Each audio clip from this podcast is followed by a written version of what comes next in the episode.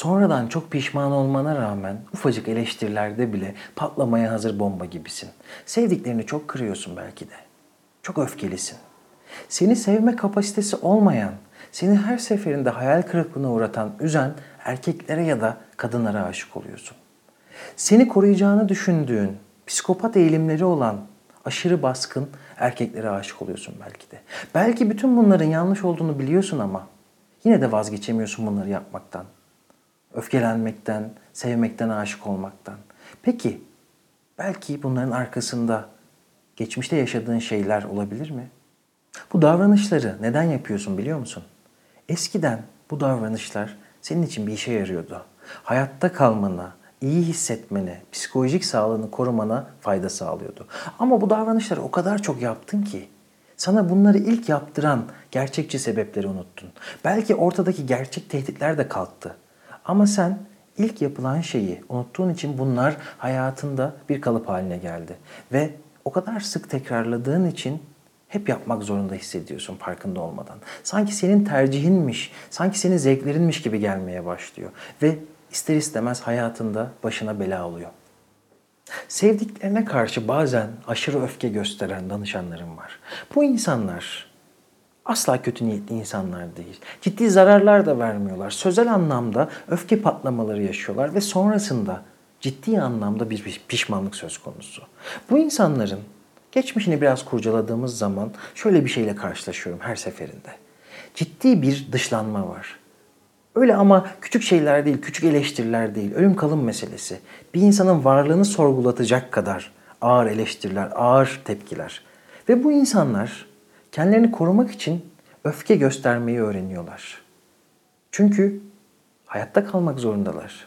Ve öfke gösterdikçe bir şekilde kendilerini koruma sağlıyorlar. O zaman öfke onların hayatta kalmalarına, iyi hissetmelerine yarıyor. Kendilerini korumalarına yarıyor. Ama insan büyüyor. Zaman geçiyor. Bu gerçek tehditler bir süre sonra ortadan kaybolmaya başlıyor. Ve gerçekten etrafımızda bizi destekleyen, seven insanlar ortaya çıkıyor. Ama eğer geçmişte böyle bir şey varsa ufacık eleştirilerde geçmişteki o olayı, o dışlanmayı, o ağır eleştirileri sanki tekrar yaşıyormuş gibi oluyor. Böyle olunca zihin onu ayırt edemiyor. Çünkü o kadar çok fazla yapmış ki onu geçmişte. Sanki onu tekrar yaşıyormuş gibi aşırı tepki verme eğiliminde oluyor. Eğer sen de böyle şeyler yaşıyorsan belki de öfkenin kökeni geçmişte yaşadığın travmatik deneyimlerde.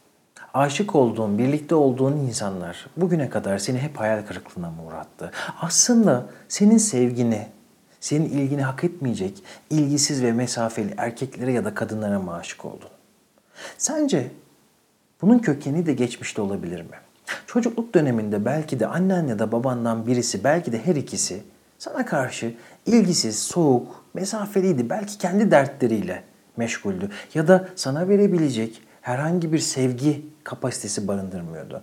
Ama sen çocuk olarak kendini iyi hissetmen gerekiyordu. Hayatta kalman gerekiyordu. Bunun için de onların dikkatini çekmen lazım. Ve böyle bir yapı, sistem oluşuyor. Hayatında soğuk ve mesafeli bir anne baba var ve sen onlara kendini ispatlamaya çalışıyorsun. Bunu o kadar çok yapıyorsun ki sonraki zamanlarda annen ve babandan uzaklaşsan dahi hayatında bu bir yapı, bir patern haline geliyor. E böyle olunca ileride romantik bir ilişki, yakın bir ilişki kurabileceğin insanlarda soğuk ve mesafeli insanlar senin dikkatini çekiyor. Onları daha çekici buluyorsun. Birisi sana ilgi gösteriyorsa, birisi sana şefkat gösteriyorsa onlar çok gözünün önüne gelmiyor, dikkatini çekmiyor. Zarar görmene rağmen bu tür insanları çekici buluyorsan belki de bunun kökeni geçmişte bir yerlerde saklı. Soğuk ve mesafeli insanlarla yaşadığın sorunlar aslında her zaman tekrarlar. Her seferinde yeni başlarken bu sefer farklı olacak demen işleri değiştirmez. Çünkü ben şöyle düşünüyorum. Soğuk ve mesafeli olan bir insan öyledir zaten. İçinde bir yerlerde sana verebileceği bir sevgi yoktur. Hiç düşünür müsün ki su neden ıslatır, ateş neden yakar? Doğasında bu var çünkü. Soğuk, mesafeli, yüzeysel insanlar da böyle biraz. Onlardan beklenecek şey, belki de beklenecek en son şey sevgi olacaktır. İnsanoğlunun hayatındaki en önemli şeylerden birisi korunmadır. Belirsizliklerden ve tehlikelerden korunma. Ve insanın çocukluk döneminde bu korunmayı biz anne ve babadan bekleriz. Eğer ki senin annen ya da baban belki birisi belki her ikisi senin problemlerinle, dertlerinle ilgilenmiyorsa ve sen yapayalnız, tek başına hissetmişsen çocukluk döneminde hayatında hep güçlü figürler istersin ki seni korusun, seni tehlikelerden korusun, belirsizliklerden korusun. Ve bundan dolayı güçlü figürler, kalıplı figürler, belki erkekler senin ilgini çeker. Sonrasında bu aslında çok hayati ve önemli bir istektir. Çünkü korunmayı istiyorsundur.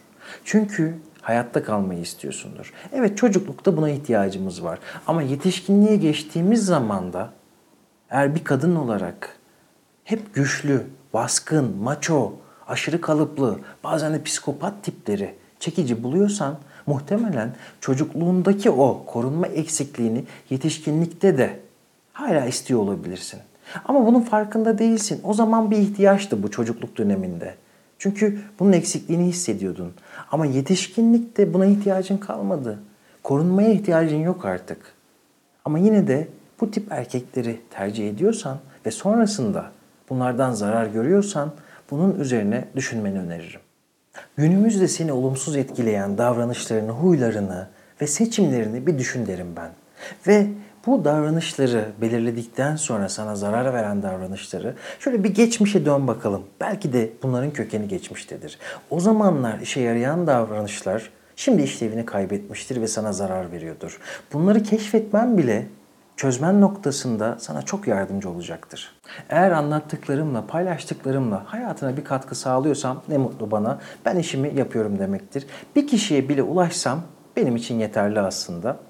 Beni dinlediğin için çok teşekkür ediyorum. Eğer bu videoyu beğendiysen beğenmeyi ve hala abone olmadıysan Psikoloji TV YouTube kanalına abone olmayı unutma. Kendine çok iyi bak. Görüşmek üzere.